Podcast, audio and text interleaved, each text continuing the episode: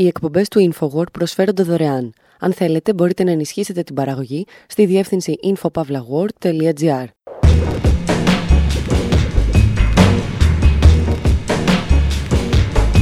όπου σήμερα αναζητούμε τους μεσίες της εποχής μας και τους αποκαθιλώνουμε χωρίς δεύτερη κουβέντα. Αναρωτιόμαστε εάν το να πουλήσεις τις βρώμικες παντόφλες του Steve Jobs σε καθιστά καινοτόμο ή σκοταδιστή και τι θα έλεγαν γι' αυτό οι Monty Python. Παρακολουθούμε την ανάδυση μιας νέας μορφής μεσιανισμού, ο οποίος δεν είναι θρησκευτικός, αλλά βαθιά κοσμικός και δυστυχώς μερικές φορές αριστερός ή ακόμη και αναρχικός. Υποστηρίζουμε ότι οι μεσίες μοιράζονται ορισμένα κοινά χαρακτηριστικά με το χρήμα. Αποκτούν αξία μόνο όταν εμείς τους δίνουμε αξία. Και ύστερα αναρωτιόμαστε τι συνέβη με τους μεσίες των κρυπτονομισμάτων και πήγαν όλα τόσο στραβά.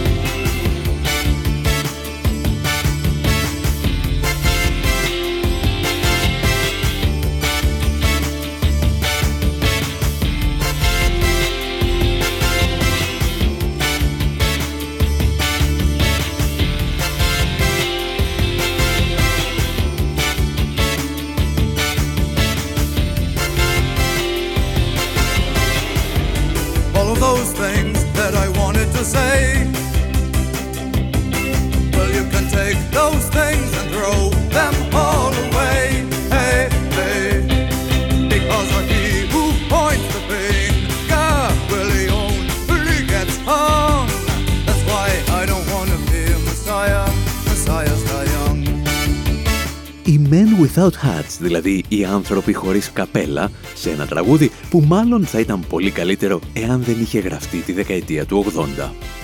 Δεν θέλω λέει να γίνω μεσίας, γιατί οι μεσίες πεθαίνουν νέοι. Ο μόνος άλλος στίχος με κάποιο ενδιαφέρον είναι αυτός που λέει «Ο χρόνος είναι χρήμα και γι' αυτό πουλα το ρολόι σου όσο είναι ακόμη νωρίς». All those things that I wanted to be. Η λέξη «μεσσίας» με την οποία θα ασχοληθούμε σήμερα αποτελεί μεταφορά του εβραϊκού όρου «μασιάχ» και αρχικά χρησιμοποιούνταν για όσους έπρεπε να χρηστούν με λάδι κατά την ανάληψη των καθηκόντων τους. Η ελληνική μετάφραση αναφέρεται στον Χριστό. Για τη σημερινή εκπομπή όμως, λέγοντας Μεσσίας, θα αναφερόμαστε σε όποιον παρουσιάζεται σαν σωτήρας. Είτε το θέλει, είτε όχι.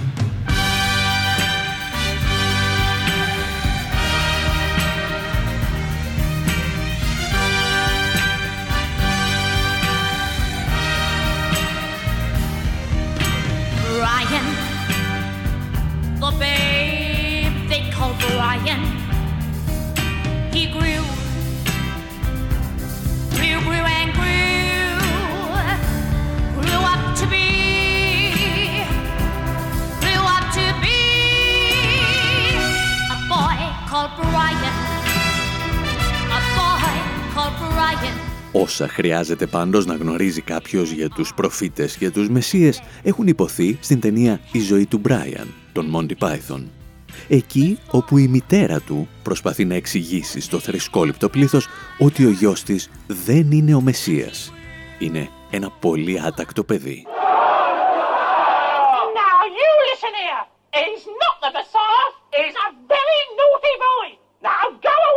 Ο ίδιος ο Μπράιαν, όπως θα θυμάστε, εξηγούσε και αυτός ότι δεν χρειάζεται ο κόσμος να ακολουθεί μεσίες.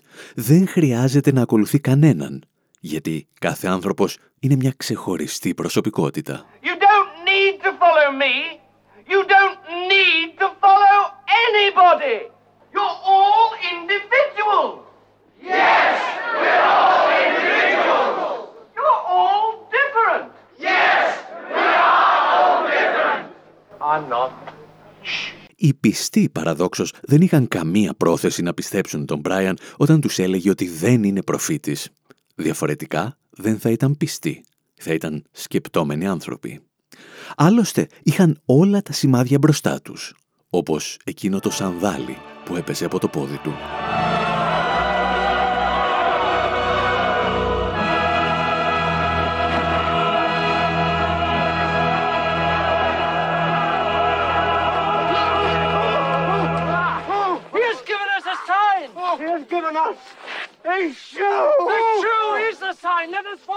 Εάν πάλι όλα αυτά σας ακούγονται σαν χοντροκομμένη φάρσα, είναι μάλλον γιατί δεν δίνατε προσοχή στις ειδήσεις των τελευταίων εβδομάδων. Τότε που κάποιος αγόρασε σε μία δημοπρασία τις βρώμικες παντόφλες του Steve Jobs, του συνειδητή της εταιρείας Apple. A pair of old Birkenstocks that just sold for $218,750. Οι πιστοί φιλελεύθεροι και νεοφιλελεύθεροι οπαδοί της Apple και του Steve Jobs θα σπεύσουν να επισημάνουν πως το γεγονός ότι οι παντόφλες του δημοπρατήθηκαν έναντι 218.000 δολαρίων δεν σημαίνει ότι τον αντιμετωπίζουν σαν μεσία. Εδώ θα πούν απλώς λειτουργήσαν οι δυνάμεις της αγοράς. Κάποιος μπορούσε να ζητήσει 218.000 δολάρια γιατί κάποιος άλλος ήταν διατεθειμένος να τα προσφέρει. Και αυτό θα πούν, είτε το θεωρούμε γελίο είτε όχι, δεν έχει σχέση με τη θρησκεία και την πίστη, αλλά με τα οικονομικά και εν τέλει με την επιστήμη.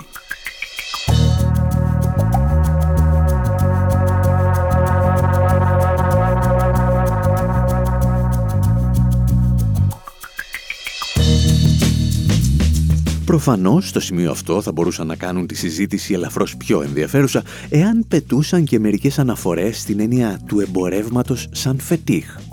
Αλλά ως γνωστόν, οι φιλελεύθεροι ποτέ τους δεν διάβασαν Μάρξ. Εμείς πάλι, με ή χωρίς Μάρξ, θα διαφωνήσουμε και θα υποστηρίξουμε ότι υπάρχουν άνθρωποι που βλέπουν τον Steve Jobs και τους όμοιους του σαν μεσίες με την θρησκευτική έννοια του όρου.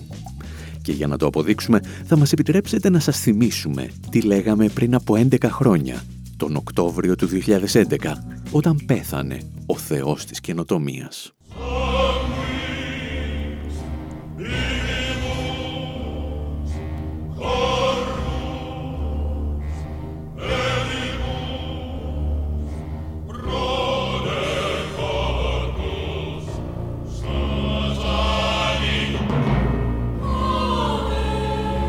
Οκτωβρίου 2011, ο Steve Jobs αφήνει τον μάταιο αλλά ενδιαφέροντα και σίγουρα μοναδικό ετούτο κόσμο.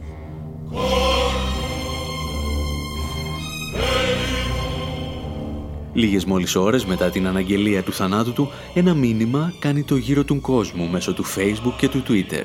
Ο Steve Jobs λέει θα κάνει επανεκκίνηση σε τρεις ημέρες.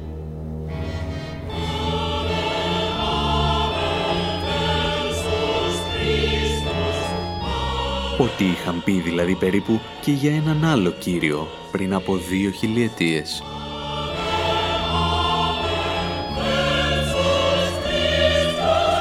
Η συγκεκριμένη φράση αποτελεί ίσως ένα έξυπνο μαύρο αστείο. Η σύγκριση όμως με το Χριστό δεν είναι καθόλου για γέλια.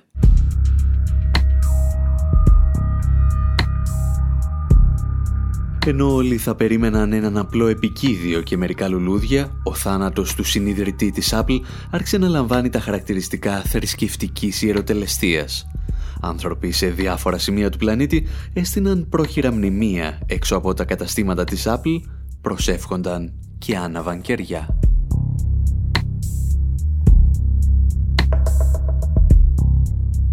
Όπως έγραψε ο Νέλσον Jones στο βρετανικό περιοδικό New Statesman, εάν την ημέρα του θανάτου πληκτρολογούσες τις λέξεις Steve Jobs, Μεσσίας, θα σου έδινε πάνω από μισό εκατομμύριο αποτελέσματα στην Google.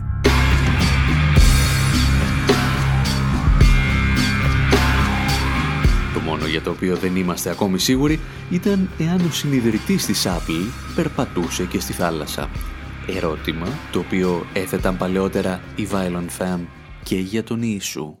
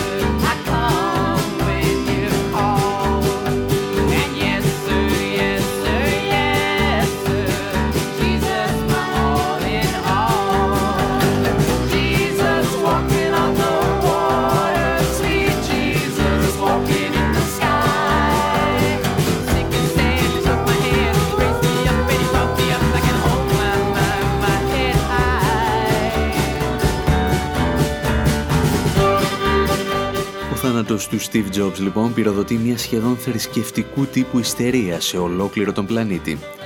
Τα προϊόντα της Apple βέβαια δεν περίμεναν να πεθάνει το αφεντικό τους για να αποκτήσουν λατρευτική αξία. Οι ουρές που σχημάτιζαν για ημέρες οι πελάτες έξω από τα καταστήματα της εταιρείας πριν από την κυκλοφορία κάθε νέου προϊόντος ελάχιστα διαφέρουν από την αναμονή των πιστών κάθε θρησκείας και δόγματος έξω από τους τόπους λατρείας.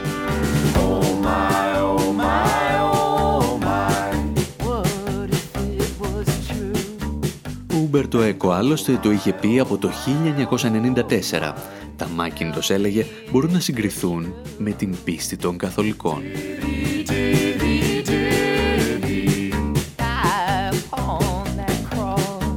Και σαν να μην έφταναν όλα αυτά, ένας ερευνητής του BBC διαπίστωσε ότι οι πιστοί πελάτες της Apple παρουσιάζουν την ίδια εγκεφαλική δραστηριότητα με τους πιστούς οποιασδήποτε θρησκείας. Για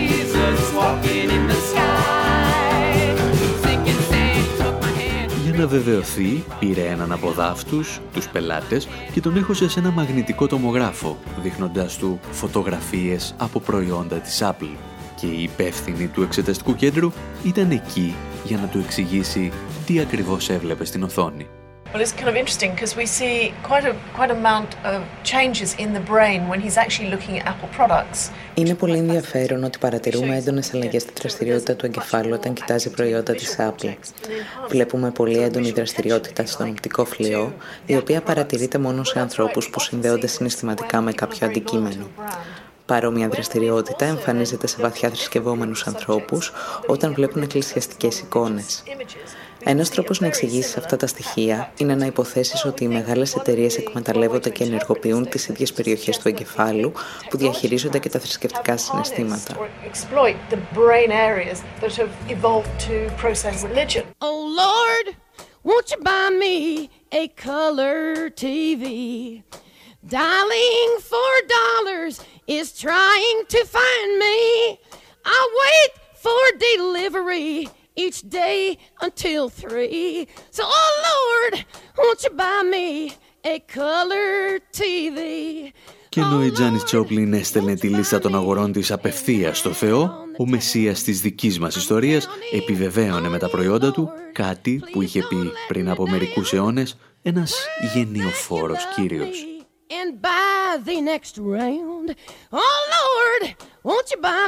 Το προϊόν, έλεγε, γίνεται φετίχ και οι κοινωνικές σχέσεις των ανθρώπων εκφράζονται, καθορίζονται και μεταλλάσσονται σε σχέσεις μεταξύ εμπορευμάτων.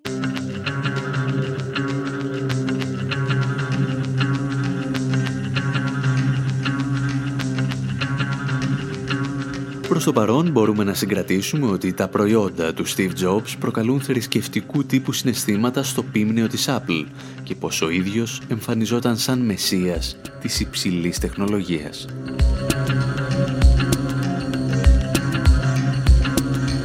Έτσι ακριβώς άλλωστε τον είχε παρουσιάσει παλαιότερα και το περιοδικό Time, σαν τον Μωυσή να κρατά δύο iPad σαν τις πλάκες με τις 10 εντολές.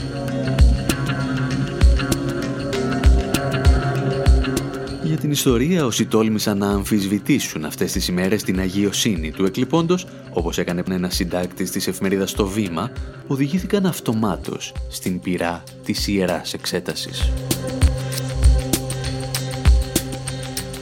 Ο συνάδελφος επικαλούμενος ειδησιογραφικά πρακτορία ανέφερε απλώς ότι οι συνθήκες εργασίας στην Apple δεν ήταν και οι καλύτερες. Λίγες ώρες αργότερα, η σελίδα του περιοδικού Athens Review of Books στο Facebook συνέκρινε το βήμα με το ριζοσπάστη, χαρακτήρισε το κείμενο «νέο κομμουνιστικό παραλήρημα» και ευχήθηκε ο συντάκτης του να απολυθεί και να πλένει τζάμια στα φανάρια. Το βήμα είχε απόλυτο δίκιο, γιατί ο Steve Jobs πράγματι δεν ήταν Άγιος και η εταιρεία του δεν ήταν καθόλου καλή με τους υπαλλήλους της.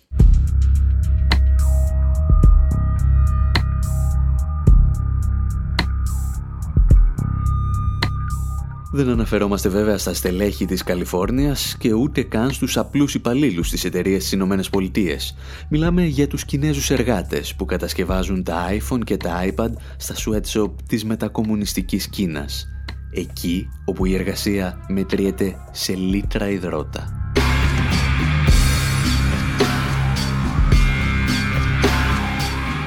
Και όταν αυτός ο υδρότας δεν επαρκεί, η μόνη λύση είναι η αυτοκτονία και ας την απαγορεύει το κόμμα.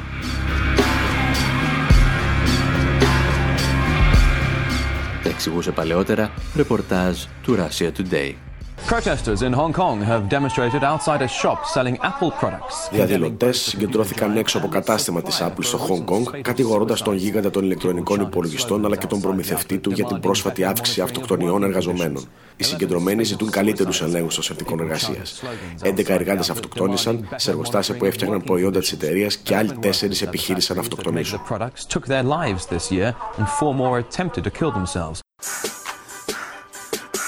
It goes getting more money, it come with more problems. I used to be macking, but now I'm Steve Jobs. See, you got two choices.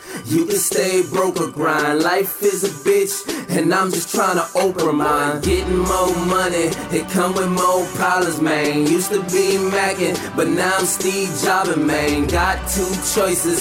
You can stay broke or grind. Life is a bitch, and I'm just trying to open mine. Τα πολλά χρήματα φέρνουν και προβλήματα, τραγουδά ο Φάμπολους. Παλιά λέει, μας άρεσαν τα Mac, τώρα μας αρέσει ο Steve Jobs. Η ζωή είναι πουτάνα και αν δεν θερήσεις τον απέναντί σου, θα μείνεις για πάντα απένταρος.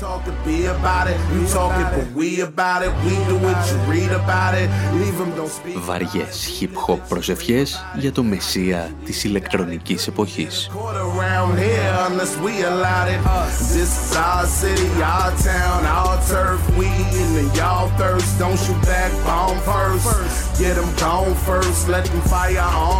Αυτά συζητούσαμε λοιπόν πριν από σχεδόν 10 χρόνια όταν πέθανε ο Μεσσίας Steve Jobs. Και ως εκθαύματος, ενώ ηχογραφούσαμε αυτή την εκπομπή, ξέσπασαν οι σημαντικότερες ταραχές των τελευταίων χρόνων στο μεγαλύτερο εργοστάσιο της Apple στην Κίνα.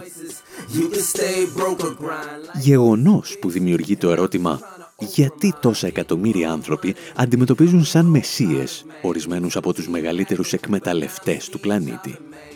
Θα συζητήσουμε για τον τεχνολογικό μεσιανισμό στο δεύτερο μέρος της εκπομπής. Πριν πάμε όμως εκεί, να σας θυμίσουμε ότι τη Δευτέρα, 28 Νοεμβρίου, έχουμε την παρουσίαση του βιβλίου μας «Προπαγάνδα και παραπληροφόρηση» στον κινηματογράφο Τριανών, στην Αθήνα. Και την Τετάρτη, 30 Νοεμβρίου, ανεβαίνουμε στη Θεσσαλονίκη. Περισσότερα όμως για αυτά θα πούμε στο τέλος της εκπομπής, ενώ θα βρείτε όλες τις λεπτομέρειες και στη σελίδα μας info.pavlawar.gr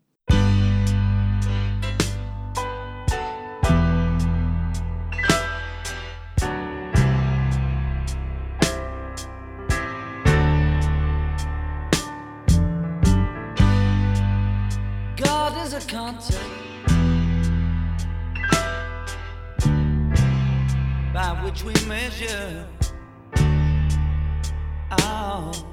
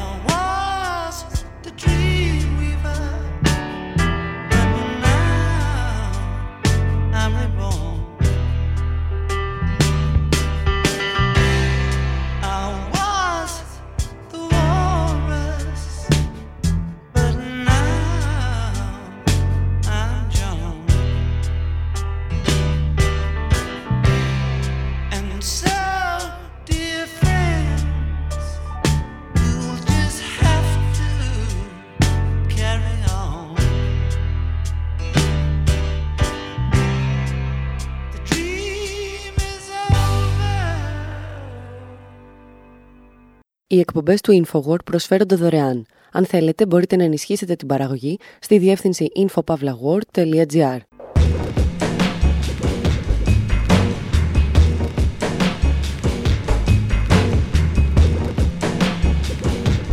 Εκπομπή Infowar μέρος δεύτερο όπου σήμερα συζητάμε για ψεύτικους μεσίες, χωρίς αυτό να σημαίνει ότι υπάρχουν και αληθινοί. Βλέπουμε ανθρώπους που πιστεύουν πραγματικά μέσα τους ότι κάποιος δισεκατομμυριούχος επιχειρηματίας θα σώσει την ανθρωπότητα, γιατί είναι καλός άνθρωπος και είναι και έξυπνος.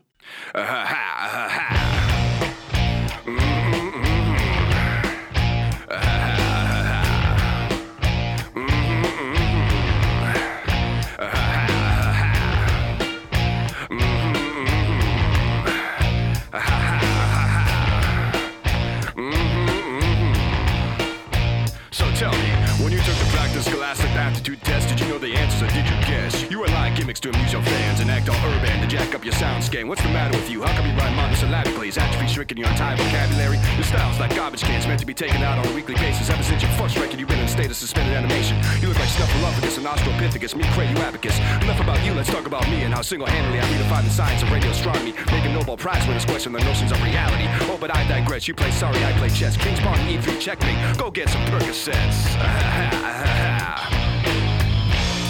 Οι Αμερικανοί Clutch τραγουδούν το Careful with that mic, να προσέχεις με αυτό το μικρόφωνο. Και εμείς τους ακούμε τόση ώρα, γιατί αυτό είναι ένα από τα ελάχιστα τραγούδια που έχουν γραφτεί και αναφέρονται στον Q, τον επιστήμονα των Βρετανικών μυστικών υπηρεσιών που προμηθεύει όλα τα gadget και τα όπλα στον James Bond.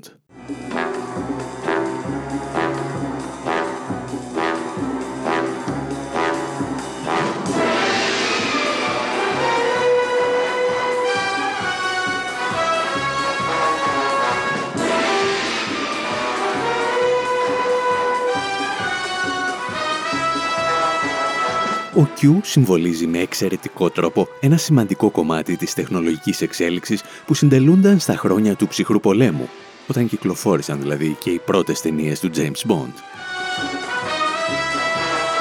Ο στρατός και οι μυστικές υπηρεσίες πλήρωναν πολύ σημαντικό κομμάτι της έρευνας που οδηγούσε σε νέες τεχνολογικές εφευρέσεις, οι οποίες σταδιακά περνούσαν και στην καθημερινότητα των ανθρώπων. Παρεπιπτόντος, αν θυμάστε, είχαμε εξηγήσει σε παλαιότερη εκπομπή πως τα περισσότερα στοιχεία που συνθέτουν ένα κινητό τηλέφωνο iPhone αναπτύχθηκαν από στρατιωτικά προγράμματα και από δημόσια ερευνητικά ιδρύματα. Από την οθόνη αφής μέχρι το GPS και δεκάδες άλλα στοιχεία. Για την ακρίβεια μας τα εξηγούσε η οικονομολόγος Ann Pettifor. We know from all of our experience that the private sector needs the government to spend. Γνωρίζουμε ότι ο ιδιωτικό τομέας χρειάζεται τις δαπάνες του κράτους. Ο κύριος Apple, ο Steve Jobs, χρειαζόταν η Αμερικανική κυβέρνηση να επενδύσει στα στοιχεία που αποτελούν το iPhone ώστε να είναι σε θέση να το κατασκευάσει. Ο ίδιος δεν είχε την απαιτούμενη επιχειρηματικότητα για να ανακαλύψει το ίντερνετ ή όλα τα άλλα στοιχεία που αποτελούν το iPhone. Αυτά τα στοιχεία στη συνέχεια ιδιωτικοποιήθηκαν και χρησιμοποιήθηκαν από τον ιδιωτικό τομέα. Γνωρίζουμε λοιπόν ότι οι κυβερνήσεις ενισχύουν την ιδιωτική Then be δραστηριότητα. Privatized and used in the private sector. So we know that governments stimulate private activity.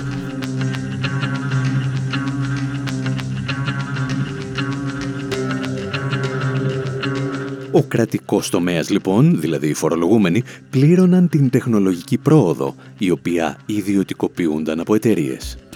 Στα χρόνια που ακολούθησαν, άλλαξε μόνο η βιτρίνα αυτής της διαδικασίας. Οι τεχνολογικές καινοτομίες παρουσιάζονταν όλο και πιο συχνά απευθείας από τον ιδιωτικό τομέα. Πάντα όμως η επιτυχία τους εξαρτιόταν από τις κρατικές επιδοτήσεις ή τις φοροαπαλλαγές που λάμβαναν αυτές οι εταιρείες. Παρ' όλα αυτά, οι ιδιοκτήτες των εταιριών παρουσιάζονταν όλο και συχνότερα σαν τεχνολογικοί μεσίες, οι οποίοι θα μπορούσαν να λύσουν όλα τα προβλήματα της ανθρωπότητας. Και εδώ επιστρέφουμε στον Q του James Bond με μια αναπάντεχη σύμπτωση.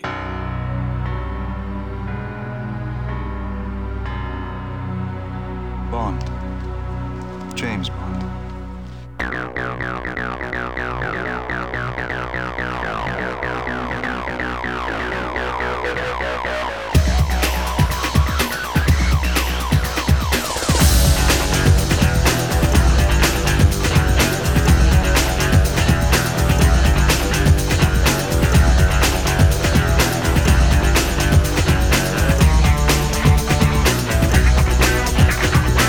Τελευταίες ταινίες του James Bond και συγκεκριμένα από το 2012, τον Q υποδίεται ο ηθοποιός Ben Whishaw.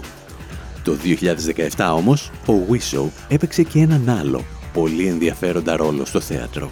It's a new play by Christopher Shin and it features me playing a character called Luke, who is an, a billionaire techie guy from Silicon Valley who is receiving messages from God.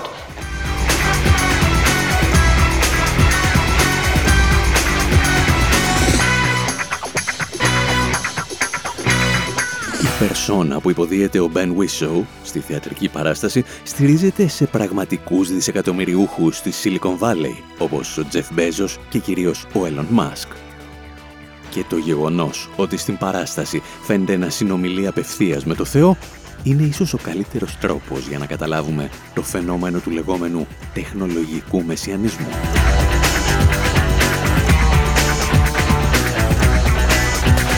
Όπως υποστήριζε πρόσφατα ο Jonathan Blake, διευθυντής του Ιδρύματος Ερευνών Berggruen Institute, ο νέος Μεσσίας που πολλοί περιμένουν δεν έχει πλέον θρησκευτικά, αλλά κυρίως κοσμικά χαρακτηριστικά και πολύ περισσότερο τεχνολογικά. Μπορεί να είναι ένας άνθρωπος ή μια τεχνολογική καινοτομία που θα μας σώσει από την υπερθέρμανση του πλανήτη, την κοινωνική και πολιτική ανισότητα, τις κοινωνικές αναταραχές και άλλα σύγχρονα προβλήματα. Πρόβλημα, όπως εξηγεί ο Μπλέικ, είναι ότι οι τεχνολογικοί μεσίες, όπως και όλοι οι μεσίες, ουσιαστικά αποτελούν ένα κάλεσμα στην αδράνεια. Εσείς δεν χρειάζεται να προσπαθήσετε να αλλάξετε το status quo που καταστρέφει τη ζωή σας, θα έρθει ένας μεσίας και θα το κάνει για εσάς. Και ένας από αυτούς τους μεσίες που θα μας έσωζαν ήταν και ο Elon Musk.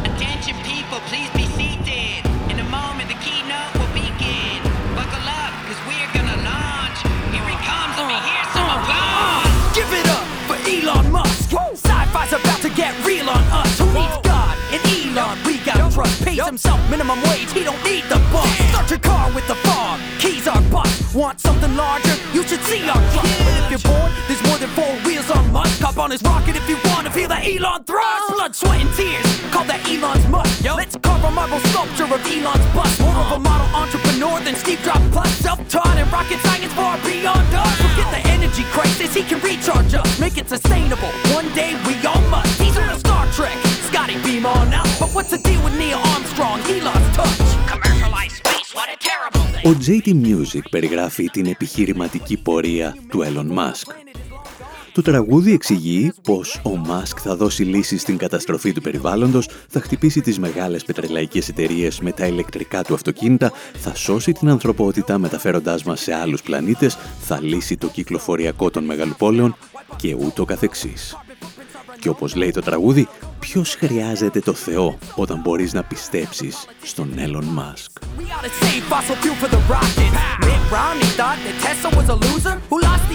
Εμείς πάλι όλα αυτά τα χρόνια που παίζουμε το συγκεκριμένο τραγούδι δεν έχουμε καταλήξει εάν είναι σατυρικό ή τα πιστεύει αυτά που λέει. Και εδώ ακριβώς εντοπίζεται η τραγικότητα της κατάστασης.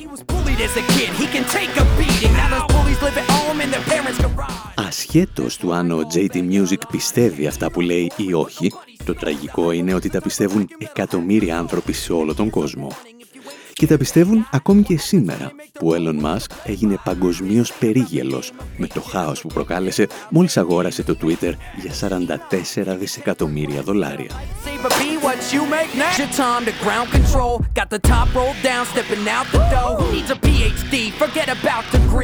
Για αυτούς τους ανθρώπους βέβαια δεν είχαμε καμία αμφιβολία τι πιστεύουν.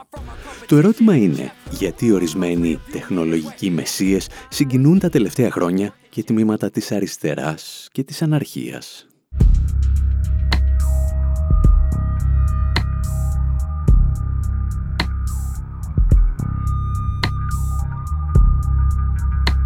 Τις τελευταίες εβδομάδες, παραδείγματος χάρη, χάσαμε έναν ακόμη τεχνομεσία που υποσχόταν να κάνει τον κόσμο καλύτερο μέσω των κρυπτονομισμάτων. Αναφερόμαστε φυσικά στην πλατφόρμα συναλλαγών κρυπτονομισμάτων FTX, η οποία κατέρευσε στέλνοντας τα χρήματα των πελατών της στον πλησιέστερο υπόνομο.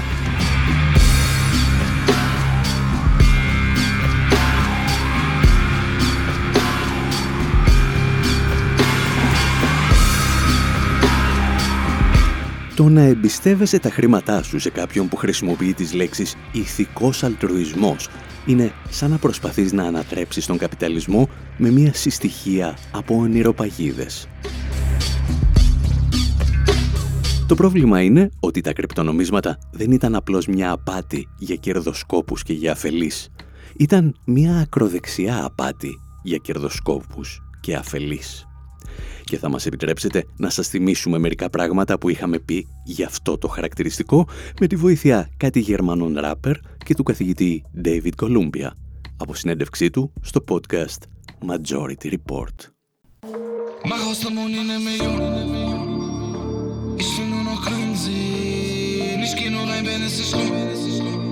Kauf mir eine Insel in der Südsee.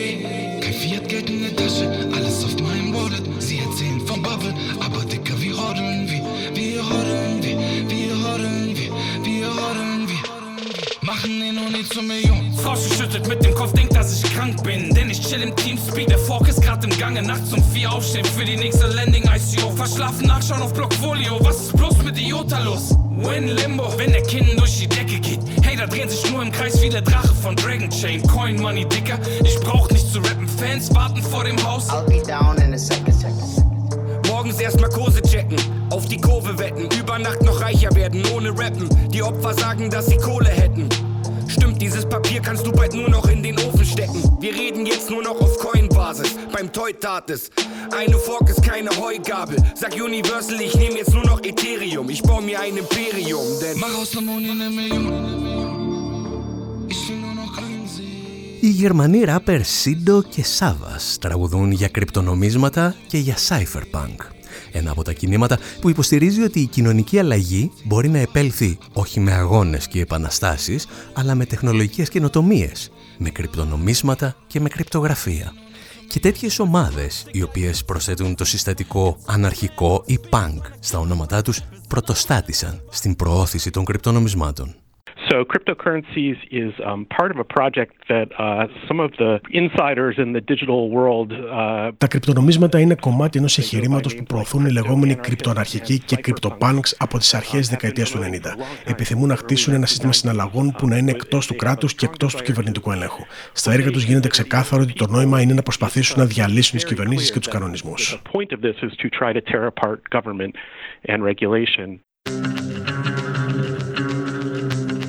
Το πρόβλημά μας εδώ δεν είναι ότι κάποιοι επιχειρούν να καταργήσουν το κράτος. Είναι ποιος το επιχειρεί και γιατί. Ένα βασικό επιχείρημα των υποστηρικτών των κρυπτονομισμάτων είναι ότι με τα νομίσματά τους θα παρακάμψουν τους κακούς κεντρικούς τραπεζίτες. Μόνο που εκεί αρχίζουν να φλερτάρουν με τις χειρότερες θεωρίες συνωμοσίας. There are many, many reasons to criticize the way the Federal Reserve manages dollars and the way the Federal Reserve works and the way... Υπάρχουν πολλοί λόγοι για να κριτικάρεις τον τρόπο που η Ομοσπονδιακή Τράπεζα διαχειρίζεται το δολάριο αλλά και τον τρόπο που λειτουργούν γενικά οι τράπεζες. Όμως το λογισμικό του Bitcoin είναι βασισμένο σε μια κριτική αυτών των θεσμών που για μένα είναι σαθρή. Στο δημόσιο διάλογο στις ΗΠΑ για τις κεντρικές τράπεζες έγιναν δημοφιλείς θεωρίες συνωμοσίας. Εκεί παρουσιάζουν την κεντρική τράπεζα ως διεφθαρμένους τραπεζίτες που χειραγωγούν την τιμή του δολαρίου για να γεμίσουν κυριολεκτικά μόνο τις δικές τους τσέπες who are manipulating the price of the dollar in order literally to line their own pockets. Οι συνωμοσιολογικές επιθέσεις στις κεντρικές τράπεζες έχουν τις ρίζες τους στην Αμερική του 19ου αιώνα και συχνά ήταν και άκρος αντισημιτικές. Κάποιοι φαντάζονταν σκοτεινές αίθουσες όπου μασόνοι και εβραίοι τραπεζίτες με γαμψές μύτες καθόριζαν την πορεία του κόσμου. Οι κεντρικοί τραπεζίτες ίσως να καθορίζουν την πορεία του κόσμου. Το έκαναν όμως για λογαριασμό ενός ευρύτερου συστήματος που λέγεται καπιταλισμός. Ήταν τα εργαλεία του και όχι οι κρυφοί ηγεμόνες του. Και ύστερα, τις τελευταίες δεκαετίες, οι συνωμοσιολόγοι άρχισαν να χάνουν τη σημαντικότερη εξέλιξη ότι οι κεντρικές τράπεζες σταμάτησαν να βρίσκονται υπό τον έλεγχο των κακών κυβερνήσεων και των κρατών, όπου έστω και θεωρητικά υπήρχε δημοκρατικός έλεγχος. Οι κεντρικές τράπεζες έγιναν ανεξάρτητες, πέρασαν δηλαδή στον έλεγχο των δυνάμεων της αγοράς. Και αυτό που ζητούσαν τώρα στην ουσία οι οπαδοί των κρυπτονομισμάτων δεν ήταν λιγότερο κράτος, αλλά λιγότερο έλεγχο του χρηματοπιστωτικού συστήματος. The people who promote these views just tend to be very far to the right. Um, I think a little bit less extreme, but still of real concern, is the anti-government Οι άνθρωποι που προωθούν αυτές τις απόψεις τείνουν να είναι ακραία δεξιοί. Λιγότερο ακραία, αλλά εντούτοι ανησυχητική, είναι η αντικυβερνητική προκατάληψη που είναι εμφανής στην κοινότητα του Bitcoin. Όταν όμως η κοινότητα του Bitcoin μιλά για αποκέντρωση ή για την εξαφάνιση των μεσαζόντων ή για την απάλληψη κανονισμών, στην πραγματικότητα μιλούν για το κράτος. Για το πόσο κακό είναι το κράτος και για το πώς υπάρχει μονάχα για να ωφελεί τους τραπεζίτες. Η λύση τους είναι να το ξεφορτωθούν. Αυτό έλεγαν όμως και οι Ρεπουμπλικάνοι το 2008, όπου είχαμε μια κρίση που δημιουργήθηκε από την έλλειψη κανονισμών και η λύση που πρότειναν ήταν ακόμα περισσότερη έλλειψη κανονισμών. Αντί για περισσότερη ρύθμιση που πιστεύω θα ήταν ένας τρόπος να αποφευχθεί μια τέτοια κρίση. Instead of regulation, which, in my opinion at least, is the thing that would help to prevent it. Οι οπαδοί των κρυπτονομισμάτων λοιπόν ζητούν λιγότερο κράτος, αλλά όχι με τον τρόπο με τον οποίο θα το ζητούσε ένας αριστερός ή ένας αναρχικός. Το ζητούν με τη μανία της Μάργαρετ Θάτσερ και του Ρόναλντ Ρίγκαν. Δεν είναι απλώς φιλελεύθεροι, είναι libertarians.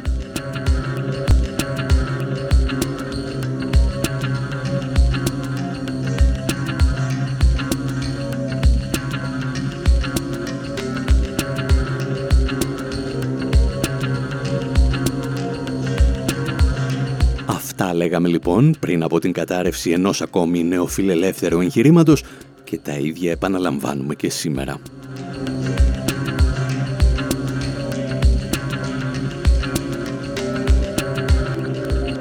Μιλώντας όμως για απάτες, θα θέλαμε να σας θυμίσουμε και ένα ραντεβού που έχουμε για να συζητήσουμε για μηντιακές απάτες.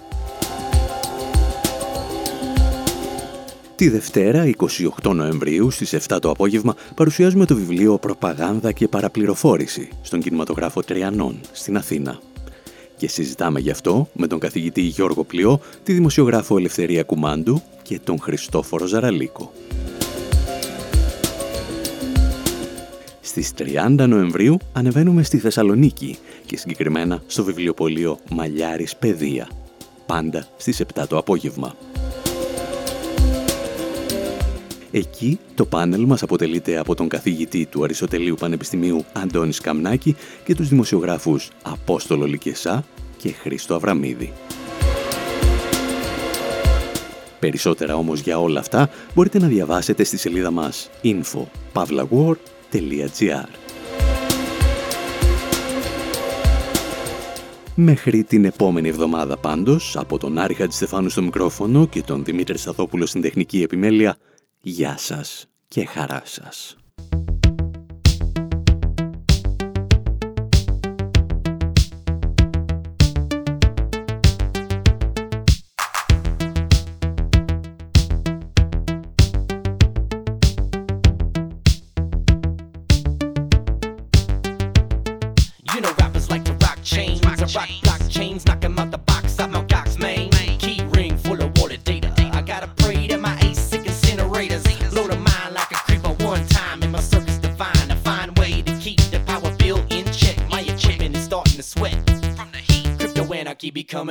so elite. You know rappers like to rock pools. I got fools who can't swim in, but I'm collecting the spice like a Fremen. So you fools get stepping and get to choosing your weapon because the deafening roar of indefinite war.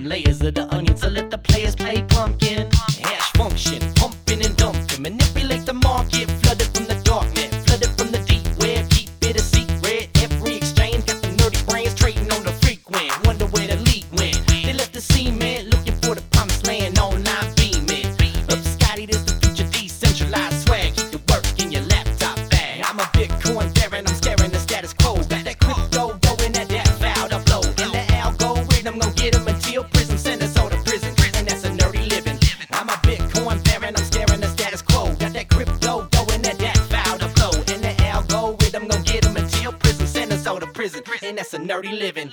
You know.